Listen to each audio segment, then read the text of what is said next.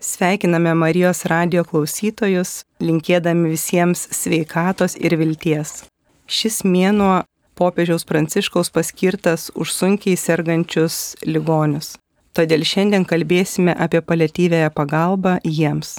Su mumis šiandien laidoje dalyvaus ilgametė paliatyviosios medicinos gydytoja Rita Kabašinskinė. Sveiki.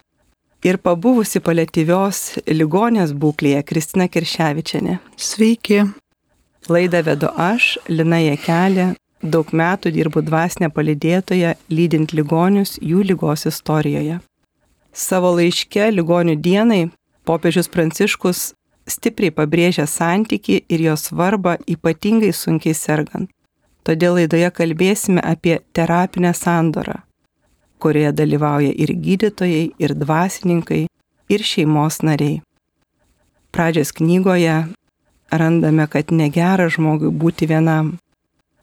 Ir popiežius Pranciškus savo laiške rašo, kad nuo pat pradžių Dievas, kuris yra meilė, sukūrė žmogų bendrystėj, įrašydamas į jo būvį ir būti santykių plotvę mūsų gyvenimo formuojamo pagal trejybės paveikslą, pašaukimas turi įsiskleisti per draugystės ir tarpusavio meilės santykių dinamiką.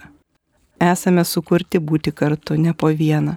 Kaip tik todėl, kad šis bendrystės planas taip giliai įrašytas kiekvieno mūsų žmogaus širdyje, mūsų visus gazdina pleistumo ir vienatvės patirtis.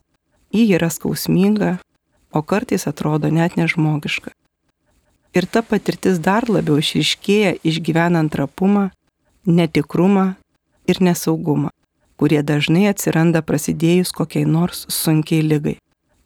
Popiežius Pranciškus šį mėnesį prašo melstis už nepagydomai sergančius ligonius ir jų šeimos, kad jų šeimos sulauktų reikiamos medicininės ir žmogiškos globos bei palidėjimo tuo užsijima paliatyvioji slauga. Tai ryta noriu pirmiausia pradėti kalbinti jūs, kad papasakotumėte daugiau, kas tai yra ir kuo paliatyvi slauga skiriasi nuo paprastos slaugos arba tiesiog gulėjimo ligoninėje. Džiaugiuosi, kad galiu kalbėti apie paliatyvę pagalbą, tai yra jau žodis kartojamas daug kur ir nebe naujiena. Prieš 26 metus pirmą kartą išgirdau, kad Kaune kažkur mažoji ligoniniai teikiama paliatyvi pagalba. Kas tai yra? Man gydytoja Inesa paaiškino tai gyvenimo kokybės gerinimas ligonėms. O kas yra gyvenimo kokybė? Nieko nepasakė man šitie žodžiai. Tik vieną kartą paliatyvistas vaikų lygų gydytojas Lenkijoje per konferenciją pasakė, tada, kai viskas yra padaryta gydymo įstaigoje, kai suteikta visa pagalba ir tolimesni gydymai atneš tik bereikalingą kentėjimą, kai tyrimai irgi neš tik tai skausmą ir vargą, tada, kai pasakys jums, kad jūs turit važiuoti namo ir jūsų lyga jau yra pažengusi tiek, kad mes nieko negalim padaryti, pat tada aš turiu pasakyti, kad paliatyvi pagalba pradeda žengti pirmus žingsnius. Netiesa, kad mes nieko negalim padaryti. Mes galim jum padėti, palengvinti kentėjimus, apgaupti jūs rūpešį ir meilę. Tai štai kas yra paliatyvi pagalba, kuri į žmogų pradeda žiūrėti kaip į nepakartojamą asmenybę. Jeigu nepradėjo atsirasti pereito šimtmečio viduryje Cecily Saunders dėka Anglijoje, Tai jo žodžiai pasakyti įsirėžė giliai į atmintį, kad piliatyvi pagalba prasideda tada, kai tu supranti, kad kiekvienas žmogus yra nepakartojama asmenybė su savo papračiais, tradicijomis, rūpešiais, santykiais. Kai atkreipiamas dėmesys į žmogų, tai liktai atkartoja tą jausmą, kurį jauti būdamas bažnyčioje, kad Dievas tave myli kad tu nesi vienišas, nesi apleistas. Ir čia šitoje vietoje mes galime žmogui parodyti, kad jis nėra vienišas, kad nėra apleistas ir apgaupti savo dėmesio. Jeigu pasakyt, kas yra paliatyvi pagalba apibrėžimo žodžiais, tai paciento sergančio pavojinga gyvybei lyga. jo ir jo artimųjų gyvenimo kokybės gerinimo priemonės, apimančios kančių palengvinimą, lygos sukeltų simptomų bei kitų lygų valdymą ir padedančių spręsti įvairius fizinės, psichosocialinės ir dvasinius rūpeščius. Štai vad ateiname tada, kai atmetame, kas yra nereikšminga, kas yra nebūtina, kas yra svarbiausia žmogui, kad jisai lygos liktai pašauktas galėtų suprasti, sustoti, pasvarstyti tai, kas buvo nereikalinga jo gyvenime, tai, kas buvo svarbu. Ir už tai mes čia turime ne tik tai medikus, gydytojus, slaugytojus, slaugės padėjėjas, bet turim visą komandą. Į tą komandą ateina psichologas, socialinis darbuotojas, sielovadininkas, gali būti netgi pagal galimybės visa misijos dvasinės tarnybos, visa komanda, kapelionas. Ir kas yra labai gražu, kad čia įtraukiami ir savanoriai. Bet pats svarbiausias šitame darbe yra ligonis ir jo artimieji. Jeigu reikėtų pasakyti vis dėlto, kuo skiriasi palėtyvi pagalba nuo įprastos slaugos, nuo įprasto gydimo, tai reikėtų palyginti, kad jeigu mes gydydami ligonį galvojame apie jo, kaip išlaikyti jo gyvybinės funkcijas, skirti palaikomą į gydimą, tai mes čia turim galvoti, kaip sudaryti sąlygas kokybiškai gyventi žmogui iki mirties kaip išsaugoti jo orumą. Liga atima dažnai galimybę pasirūpinti savimi, atima galimybę rūpintis kitais, atima savivertės jausmą. Ir bet žmogus, kaip išsaugoti, kad jisai būtų orus iki mirties, mes turime atlikti tuos darbus, kuriuos jis pats negali padaryti. Ir tada nesvarbu tas gydimas, kuris ėjo iki tol, bet svarbu malšinti tuos simptomus, kurie trukdo jam gyventi. Ypatingai labai svarbus skausmo malšinimas. Negalime kalbėti apie įvairius dalykus, jeigu jam skauda. Tai labai dažnai žmonės turi susikūrę mitus, kad aš negersiu tų vaistų, kad mane užslopins, kad jie mane padės. Nes skausmas turi būti suvaldytas tam, kad tu galėtum kokybiškai apsvarstyti kitas savo gyvenimo pusės tų simptomų yra labai daug, už juos yra atsakingi medikai ir už juos turi jie, juos turi valdyti ir padėti žmogui lygoje. Komandinis darbas laugoje yra būtinas. Vienas žmogus negali to padaryti. Gydytojas negali viską suteikti tam ligoniui. Mes turime dirbti kartu. Ir labai smagu jausti, kai visi rūpinasi tuo žmogum, nesvarbu, kokioje jisai būtų pozicijoje, ar gydytojo, ar slaugės padėjėjos, ar slaugytojas, ar savanorio, bet mes apsitarėm, ką mes galim padaryti, kad tam žmogui būtų geriau, kad jis jaustųsi geriau. Todėl komandinis darbas, jeigu kitose srityse sveikatos priežiūrai nėra būtinas, čia yra būtinas kad ir socialinio darbuotojo darbas skiriasi nuo paprasto gydymo įstaigos darbuotojo darbo. Dokumentų tvarkymas, finansinių problemų sprendimas. Taip, jis ir čia reikalingas, bet čia tai jisai atlieka socialinis darbuotojas nuostabų darbą, kad jisai padeda atstatyti šeimos ryšius, nes šeima yra vienas iš svarbiausių dalykų žmogaus gyvenime arba artimųjų žmonių esančių šalia, jeigu jau šeimos neturime arba jos nebelikę. Tai mes vis tiek, žmogus yra sociali būtybė, jinai vis tiek turi ryšių su kitais žmonėmis. Tai štai čia yra tokia begalinė erdvė pasireikšti ir kitam žmogui ir jam padėti. Dvasinio slaugytojo problema. Mes vadinam dvasinio asistentų, sielovadininku. Nesenai neatsirado Lietuvoje ir labai džiaugiuosi 2009 metais Sveikatos apsaugos ministerija parašė pareigybės kapeliono, zėlovadininko. Mūsų ligoninėje Lina dirbo šitą darbą daug metų.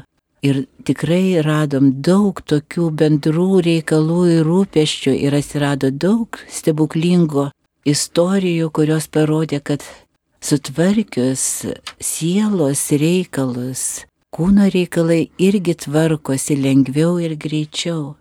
Ir tikrai žmogus sudarytas ne vien tik tai iš organų ir sistemų, iš kūno, bet jisai turi antrą pusę, kurios reikia nepamiršti ir kiekvienoje lygoje tą turim atsiminti.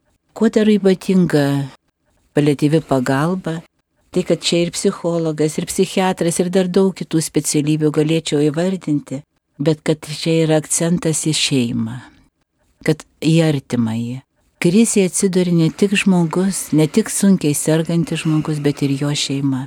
Ir vad, kai galima kartu su šeima spręsti tas problemas, tada tu gali daugiau padėti tam sergančiam žmogui. Ir čia įsijungia ir gedėjimo tarnyba, to, kurios mes neturime sveikatos priežiūroje kitose srityse. Tai va gedėjimo tarnyba irgi yra labai reikalinga, nes tie visi ryšiai su žmogumi, jie tęsiasi, kol žmogus yra pas mus ir netekties metu, kai jo nebeturime, toliau lieka ir gedėjimo tarnyba dirba su artimaisiais dar iki metų laiko po mirties. Ačiū Rita, kad taip gražiai dalinatės paliatyvę mediciną, kurioje tikrai daug metų darbuojatės ir buvo man didelės džiaugsmas kartu darbuotis kaip komandos nariai.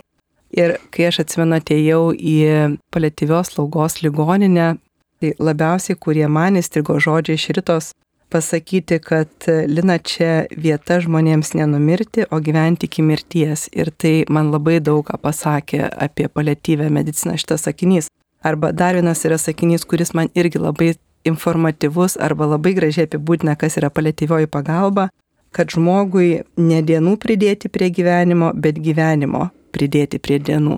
Tai tas akcentas jau yra ne į kūno pagrindinį testinumą, bet e, tikrai ko žmogaus siela trokšta, ko jinai trokšta, kaip gyventi. Ir kai jūs kalbėjote, kad kartais mes matome tų stebuklų, tai vienas tas iš stebuklų yra šiandieną su mumis studijoje. Ir nuostabu, kad Kristina pasidalins savo liudijimu su jumis Marijos radio klausytojai, kur mes visi kaip komanda dirbome, aš taip pat dar dirbau slaugos ligoninėje Nes kartais žmonės ir gal net ne kartais bijo slaugos ligoninių, nes e, kartais toks mitas atsiranda, kad žmogus atsigulęs į slaugos ligoninę numiršta. Ir e, kam reikėtų nusiteikti, pasiruošti gulant į slaugos ligoninę. Ir Kristina, jūs esate pati gulėjusi panemunės slaugos ligoninėje, kokia jūsų patirtis, nes man jūs esate vilties ženklas, tas nemažas, bet didelis stebuklas, kad niekada nėra viskas prarasta. Aš tuo metu dirbau šioje slaugos ligoninėje dvasinė asistentė ir su Kristina mes užmesgėm tą maldos ir draugystės santyki, kuris tęsiasi iki šiol ir džiaugiuosi, kad su Kristina šitą santykį tęsėme ne ligoninėje, o jau Švento Ignaco kolegijoje, kurioje jinai studijuoja sielovadinės rūpybos programą, ruošiasi pati padėti ir palydėti žmonės, kuriems reikia pagalbos. Ir Kristina, papasakokit pati plačiau savo istoriją kodėl tokia jauna atsidūrėt ant mirties lenkščio, kas buvo svarbu paliatyviojoje slaugoje, kokią reikšmę teikia medicina, santykiai ir sielovada. Labai džiaugiuosi, kad galiu pasidalinti savo patirtimi iš kitos pusės, taip iš ligonio pusės. Patekau tenai visai neplanavusi, nesiruošusi tam ir netikėtai. Niekas turbūt tokių dalykų neplanuoja.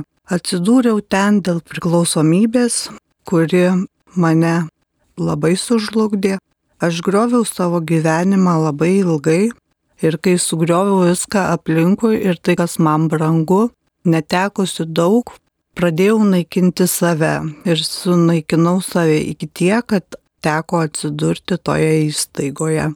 Tenai atsidūrusi aš nelabai supratau, kur aš esu, nes negalėjau nei judėti, kalbėti buvo sunku, įvertinti savo būklę taipogi nelabai galėjau. Buvo karantinas, artimuosius mačiau retai, pasiklausti jų taipogi nebuvo galimybės. Kadangi nemačiau, kur esu, tai kiekvieną dieną, kiekvieną vakarą užmigdavau, galvodama, tai nesu manimi vyksta, rytoj pabusiu, atsikelsiu ir išeisiu. Ryte pabudus pamačius, kad nieko panašaus neįvyko, pagalvodavau, dar ne šiandien. Tai kaip ir sakiau, savo būklę įvertinti pačiai buvo sunku. Žinau tik tiek, kad buvau neterminuotoje slaugoje iš pat pradžių, bet kai kokia mano iš tiesų būklė buvo, gal daugiau pasidalintų gydytoja Rita. Atsimenu, kai pamatėm Kristiną, tai pagalvojom, kad šita ligonė jau tikrai neišeis iš mūsų ligoninės. Buvo gulinti, nekalbanti, išbliškusi, turėjo didelę komplikaciją savo lygos eigoje, kai sutrikęs kraujo krešėjimas ir iš visų galimų vietų buvo sutvarstyta ir sunkėsi kraujas, nevalganti, buvo maitinama dirbtiniu būdu per pilvo sienelę. Tikrai buvo sunkioj būkliai ir mes visos aplinkui esančios dėjavom, vis dėlto kaip gaila, kad tokio jaunystėje žmogus turi iškeliauti. Toks mano buvo kraupus tas atminimas. Nu, nekraupus, nes reikia pasakyti, kad taip yra, kad kai klausia, kaip jūs galite dirbti su sunkiais ligoniais. Ir tai yra labai gražus pastebėjimas, kad reikia būti drąsiems ir drąsa yra ne nebijoti, bet drąsa yra mylėti skausmą, kančią, liūdėsi, nevilti. Ir kai tu matai, tai nori stiprėti ir paglostyti, pasakyti, tu ne vienas. Mes kartu, mes bandysim eiti, mes bandysim palengvinti, padėti. Jeigu nepavyks mums padėti, tai mes nors šalia būsim tavęs. Ir aš atsimenu, Rita taip pat manęs paprašė aplankyti Kristiną ir gal reikėtų su kunigu aplankyti ir kokią trečią dieną mes nuėjome ligonių sakramentą suteikti Kristinai, kur iš tikrųjų kažkaip ir man buvo toksai didžiulis noras e, ir būti, ir kartu melstis, ir pagelbėti toje situacijoje, bet papasako, Kristina, kaip toliau tęsiasi tavo istorija. Taip, aš gal pradėsiu nuo to, kad apie medicinos personalą sakoma arba nuo Dievo, arba neduok Dieve.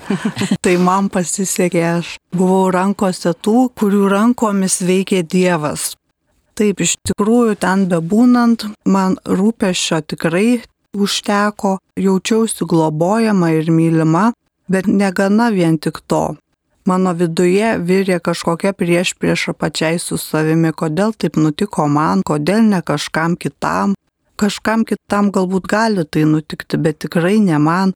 Mano puikybė, mano arogancija vidinė kažkokia neleido suprasti man pačiai suvokti savo būsenos, neleido viso to priimti. Ir ką maldos, besimeldžiant su Lina, pamenu vieną kartą kalbėjom gailestingumo vainikėlį, o po to į manęs paklausė, ar aš sutikčiau savo gyvenimą atiduoti Dievui į rankas ir ne tik savo, bet ir dukros gyvenimą. Tuo metu aš nelabai taip sąmoningai sutikau, bet aišku, tam visam poelgiui apgalvoti aš turėjau daug laiko ir galvodama, gulėdama tenai, supratau, kad tikrai čia ne vieta nei mano pykčiui, nei mano puikybei, nei mano arogancijai. Aš esu labai mažas žmogutis ir dabar viskas yra tikrai tik tai Dievo rankose. O kai man buvo suteiktas ligonio sakramentas, kai aš jau supratau, kad aš turiu bilietą į dangų, tada man atėjo toks pasidavimas, tokia ramybė, vidinė ir žinojimas ir viltis. Viltis, sakyčiau, daugiausia buvo viltis. Nuo to karto pradėjau gyventi akimirkomis. Ta diena tiesiog buvimu čia ir dabar. Ten dienos slenka aišku labai lietai, Bet kai pradedi gyventi tuo momentu, o jo lab, kad mano būklė pradėjo gerėti, pradėjau lankytis koplyčioje, visą laiką laukdavau to antradienio, berots taip, antradienį eidavom į mišes, tai būdavo savaitė tokia diena kaip jau šventė, kai einame priemame švenčiausiai sakramentą. Tai papildė mano dienas iš tikrųjų ir aš ten galiu pasakyti, kad turbūt augu kaip asmenybė. Tai, kas įvyko, aš nelabai galiu paaiškinti žodžiais. Iš tokios, kokia buvau anksčiau, pilna pykčio, valdingumo, kontrolės, arogancijos, puikybės, tapau nuolankesnė ir turėdama kažkokią viltį, su kiekviena diena va taip ir gyvenau. Kristina netgi nežinau, iš kur negavo tokią nuolankumo litaniją, tai mes visi iš jos atsišvietėm ir mokėmės kartu, nes kaip jau kalbam apie santykį, visą laiką santykį mes esame apdovanoti visi. Tai ne tik tai ligonis, bet ir tas, kuris lydė arba yra su ligoniu, lygiai taip pat apdovanoti. Tai papasakok, Kristina, iš kur tu gavai tą nuolankumo litaniją, kam to jinai buvo reikalinga. Ir mes tikrai stebėdamėsi galvojame, oho, va, kaip žmogus taip greitai, taip toli pažengė. Nežinau, kaip ten vyko stebuklai, turiu pasakyti. Aš nežinau, iš kur man ta mintis atėjo, kad man to nuolankumo labai reikia. Tai buvo Dievo siūsta mintis, aš pati to nesugalvojau. Tikrai vieną dieną sugalvojau, reikia man būti nuolankesniai. Dar vis ta kova viduje vyksta kažkokia nepriėmimas daug ko situacijų, būsenų ir apskritai viso to, kas vyksta galvoju, reikia melstis, reikia melstis. Ir aš pasiprašiau gydytojos, kad man atspausdintų tą litaniją. Ir viena kalbėjau, po to pasidalinau su personalu, kalbėjome ją visi. Ir tai tikrai prisidėjo prie to, prie to virsmo, prie to tapimo kitokiu žmogumi. Apskritai turiu pasakyti, kad be maldos aš nežinau, kaip aš būčiau praėjusi tą kelią. Tai stiprino mane, teikė vilties, ir ramybės. Ačiū Kristina už liūdimą. Tai iš tikrųjų nu, didelis džiaugsmas ir dar kartelį patvirtinimas, kad slaugos ligoninė niekada nėra tas paskutinis taškas net ir gyvenimo mirties perspektyvoje. Tai tu esi tas liūdimas, kur mes tave matėm tikrai labai silpną, labai trapę, labai dužlę ir tu išėjai toliau gyventi ir gyveni ir liūdį savo gyvenimą. Tai Taip, tiesa, prie tolimesnio mano gyvenimo prisidėjo labai gydytoja Rita, nes aš toliau važiavau į priklausomų asmenų bendruomenę, toliau gydyti kitos savo lygos. Tenai vėlgi gavau kitokią patirtį ir grįžusi vėl čia į namus, nusprendžiau, kad reikia eiti kitų kelių. Ir pradėjau studijuoti selovadinę rūpybę, nes mane labai sužavėjo tai, ką darė Lina ligoninėje tas buvimas kartu, ta ramybė, ta atnešama tokia viltis ir ta malda, bendrystė joje. Tiesiog mane žavėjo tai, ką darė jinai ir galvoju, kodėlgi nepabandžius man, nes kitokio jau gyvenimo savo grįžti ten, kur buvau, aš tikrai jau nebenoriu, reikia kažką veikti kitaip. Ačiū, Kristina.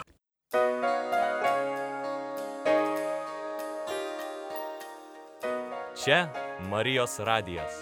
Pasitikiu tavim, Jėzau, keliauju su tavim. Žodžiai tavieji tapo džiaugsmu, jūs aš draugais vadinu. Sveikiname Marijos radio klausytojus, linkėdami visiems sveikatos ir vilties. Su mumis šiandien laidoje ilgametė paliatyviosios medicinos gydytoja Rita Kabašinskinė ir pabuvusi paliatyvios ligonės būklėje Kristina Kirševičianė. Laidą vedu aš, Lina Jekelė. Rita, noriu grįžti prie tokių praktinių klausimų, kad žmonėms, kurie mus klauso, gali kilti apie slaugos ligonę, paliatyvios slaugos paslaugą, kokia tvarka gali žmogus ją gauti, kaip patekti į slaugos ligonį ir gauti paliatyvę paslaugą, kada gali kreiptis, ar tai kainuoja.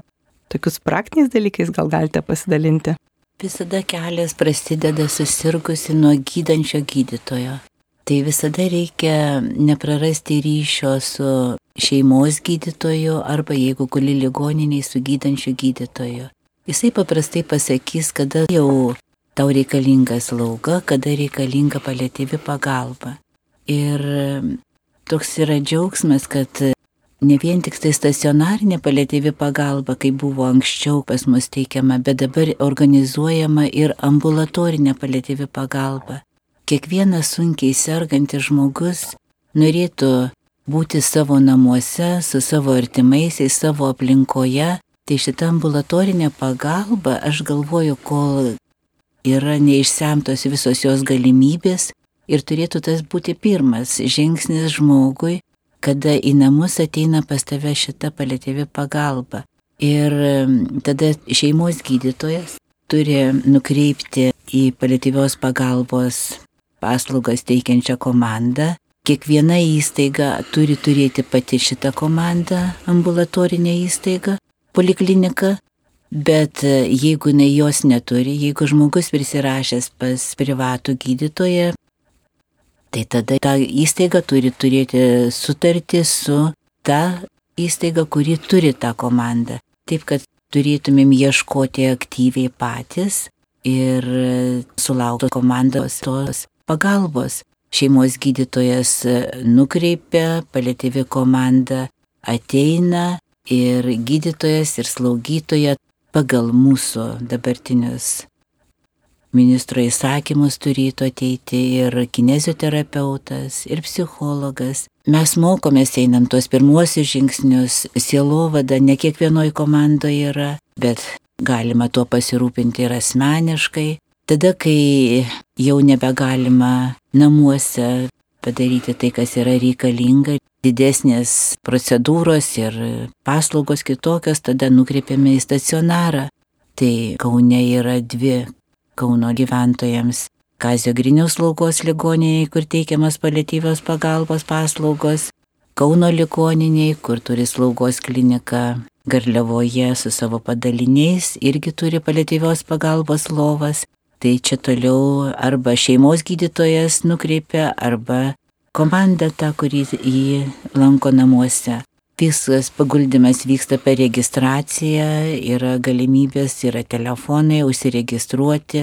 Būna, kad reikia palaukti eiliai, bet dabar paskutiniu laiku palėtėvi pagalba praplečiama ir jau daugiau yra stacionarinių lovų šitiem palėtėviems ligonėms. Kuo jie skiriasi dar nuo slaugos, kad jie gali būti čia tiek, kiek jiems reikia, pagal jų poreikį. Ir jeigu jie nori, gali išeiti iš ligoninės, artimieji pasiimti, toliau tęsti slaugą ambulatorinę namuose. Jeigu reikia vėl sugrįžti, tai turim tokį labai gerą modelį, gal ne visada jisai suveikia, bet galimybės tą padaryti yra.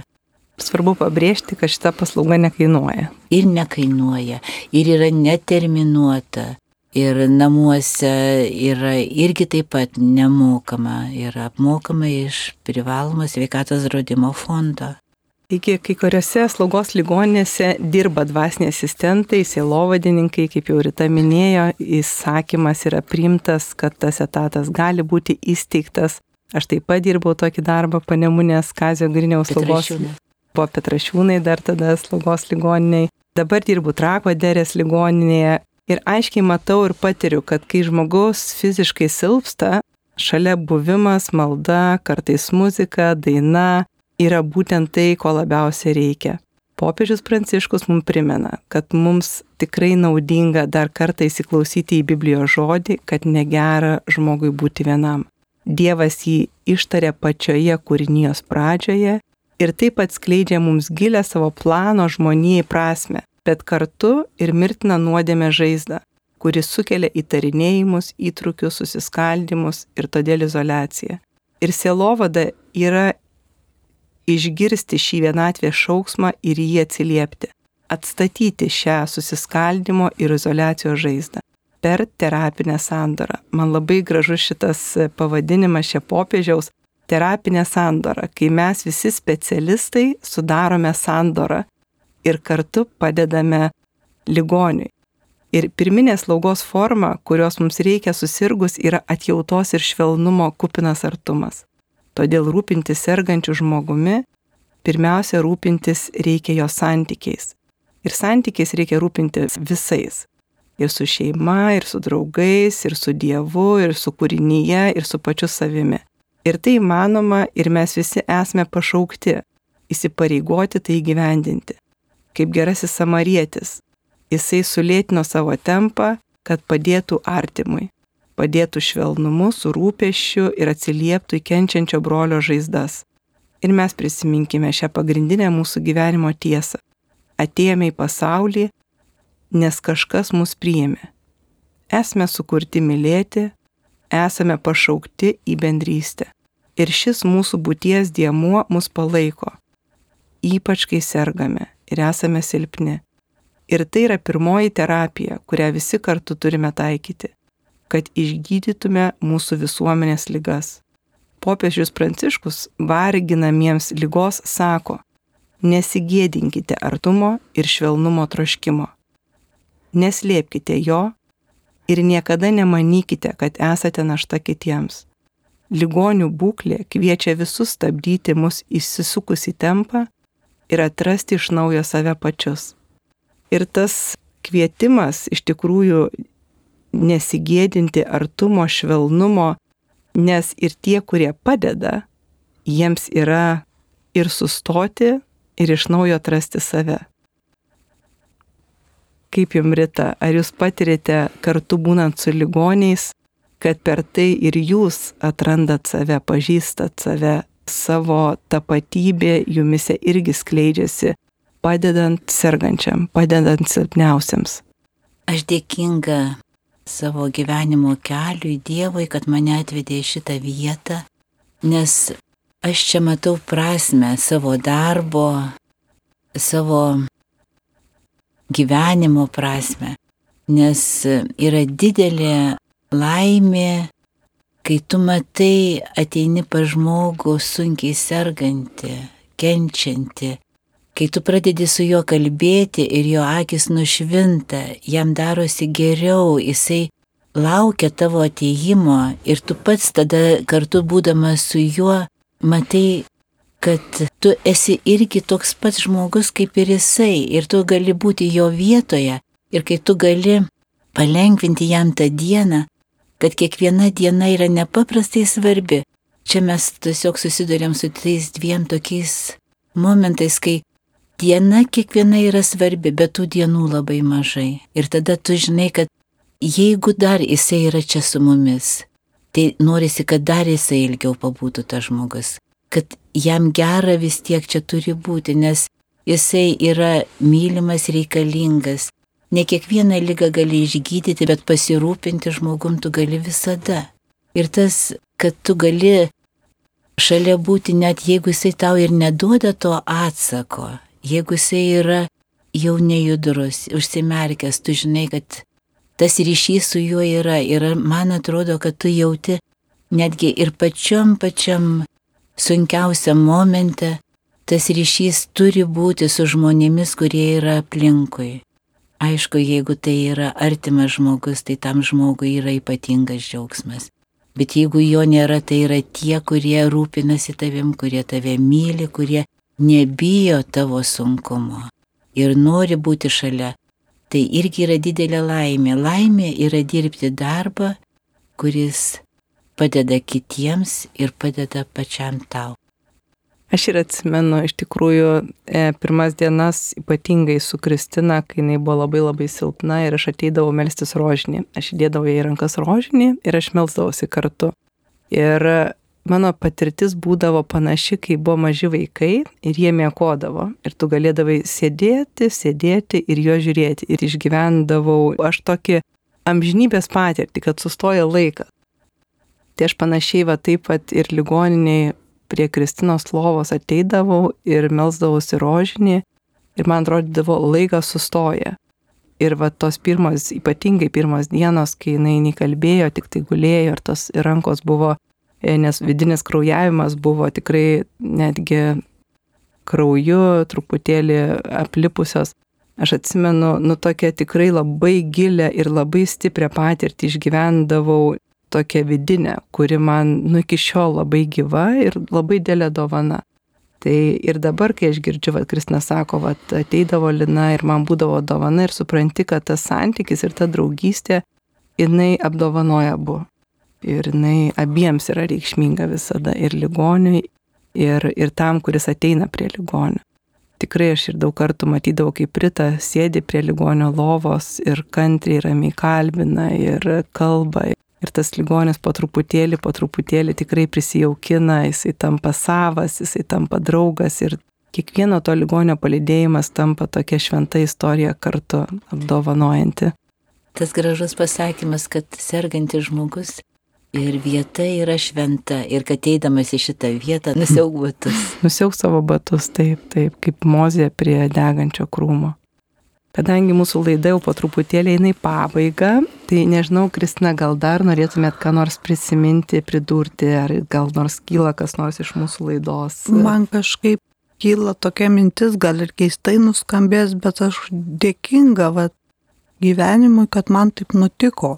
Nes jeigu tai būtų nenutikę, aš nežinau, kur aš būčiau šiandieną ir ką aš veikčiau ir kokia aš būčiau aš ten išgyvenau tokį laiką, tokį virsmą. Tikrai, sakyčiau, atsivertimą būtų labai stiprus žodis, bet kad kitokio aš ir nerandu. Turbūt. Ir aišku, begalinis dėkingumas dega širdyje visam personalui už tą rūpestį, kantrybę, globą, buvimą kartu. Tiesiog buvimą kartu tą akimirką. Ačiū Kristina už tavo tikrai tokį nuolankumą, aš sakyčiau, iš tikrųjų. Ir mokėjimą džiaugtis ir priimti tas dovanas, kurias tu gavus. Ir kartais netokias lengvas. Rita, ką jūs dar norėtumėt pridurti prie mūsų šio pokalbio? Tai kaip Kristina pasakė, išgyvenau virsmą ir perėjau į kitą etapą savo gyvenimo. Tai ne visada tas stebuklas įvyksta, žemiškom akim žiūrint, bet toks troškimas, kad išgyventų virsmą kiekvienas ligonis pereidamas į amžinybę, tai toksai troškimas yra, kad žmogus priimtų lygą, susitaikytų su tą situaciją ir apsvarstytų visą savo gyvenimą ir vis dėlto, jeigu žmogus turi tikėjimą ir turi Dievą, jeigu jisai išeina pasiruošęs į kitą pusę, tai yra stebuklas. Tai yra stebuklas, kuris dar kartą patvirtina, kas yra esminio šitame gyvenime, ko neturėtumėm pamiršti. Taip kaip senatvė dažnai žmogų atveda prie Dievo, taip ir lyga atveda prie Dievo ir tikrai Dieve laimink tuos, kurie padeda šitam keliui. Tai dar kartelį norėčiau priminti labai gražų popiežiaus pranciškaus raginimą, kurie yra sunkios lygos būklėje, kad nesigėdinkite artumo ir švelnumo troškimo. Neslėpkite jo ir niekada nemanykite, kad esate našta kitiems. Tai labai svarbu ir ligonėms šauktis artumo ir sveikiesiems išgirsti tą šauksmą ir atsiliepti, kai atsiliepia gerasis samarietis. Tai ačiū Jums visiems e, už pokalbį. Labai dėkoju Kazio Griniaus slaugos ligonės gydytojai Ritai Kabašinskiniai. Ačiū labai už liudijimą. Dabar jau Švento Ignaco Lojolos kolegijos studentai Kristinai Kirševičianiai. Taip pat su jumis buvau aš, Lina Jekelė. Linkėdama visiems sveikatos ir vilties, tarėme sudie. Sudie. Sudie.